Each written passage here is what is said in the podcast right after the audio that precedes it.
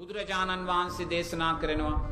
බුදුරජාණන් වහන්සේ දේශනා කරනවා තමන්ගේ මේ ශරීරයේ උපයෝගී කරගෙන අනුන් තුළ යමෙක් කාමස්වාදයන් සකස් කරනවනං ඒ අය මරණින් පස්සේ පායාස කියන නිරයටයි වැටෙන්න කියලා.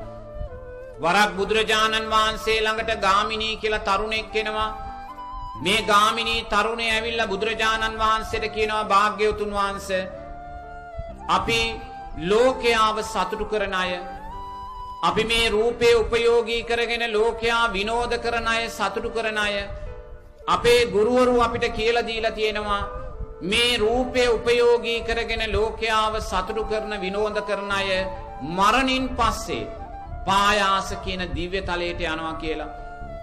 පායාස කියන දිව්‍ය තලයට යනවා කියලා අපේ ගුරුවරු කියලා තියෙනවා කියලා මේ ගාමිණී ප්‍රකාශ කරනවා. ඒ වෙලාවේ බුදුරජාණන් වහන්සේ කියනවා ගාමිණී ඔබලාගේ ගුරුවරුන්ට ලොකු වැරඳීමක් සිද්ධ වෙලා තියෙනවා. මේ පායාසය කියන්නේ දිව්‍ය තලයක් නෙමේ මේ පායාසය කියන්නේ නිරයක්ය කියලා බුදුරජාණන් වහන්සේ දේශනා කරනවා. මේ නටගාමිනී කියන රංගන ශිල්පියා බයට පත්වෙනවා. තෙරුවන් සරණ පිහිටනවා උතුම් පැවිදි උපසම්පදාව ලබනවා. උතුම් අරිහත් භාවයට පත්වෙනවා පිංහතුනේ. එනම් බුදුරජාණන් වහන්සේ මේ දේශනා කරන ධර්මය තුළ බලවත් අනතුරු හැඟවීමක් වර්තමාන සමාජයට සිද්ධ කරනවා. මොකද බුදුරජාණන් වහන්සේ දේශනා කරනවා ඇඳුමෙන් පැළඳුමෙන් හෝ අපි මේ රූපය ලෝකයාට යම් ප්‍රමාණයකට හෝ නිරාවරණය කරනවනං ලෝකයා තුළ කාමච්චන්දයන් ඇති කරවනවනං එය පායාසගාමී නිරේගාමී අකුසලයක් කියලා. දැන් ඔබ හිතන්න ඔබ කාන්තාවක් වේවා පිරිමියෙක් වේවා ඔබ ලස්සන රූපයක් ලබල තියෙන නම් පිංහතුනේ ඒ ලස්සන රූපය ඔබට ලැබුණේ ඔබේ අම්මා තාත්තා නිසානන්නෙමේ.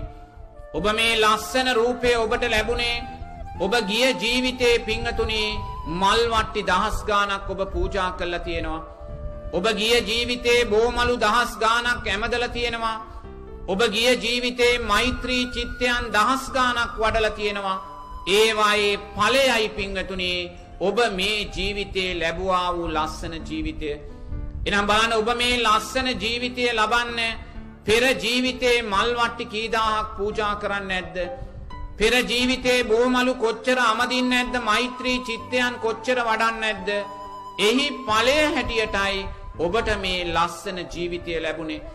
එනිසා තමා තුළින් තමා හික්මීමක් ඇතිකරගන්න මෙච්චර වෙහෙස වෙලා මල් ලබාගත්තා වූ මේ ලස්සන ජීවිතය පරම් පායාස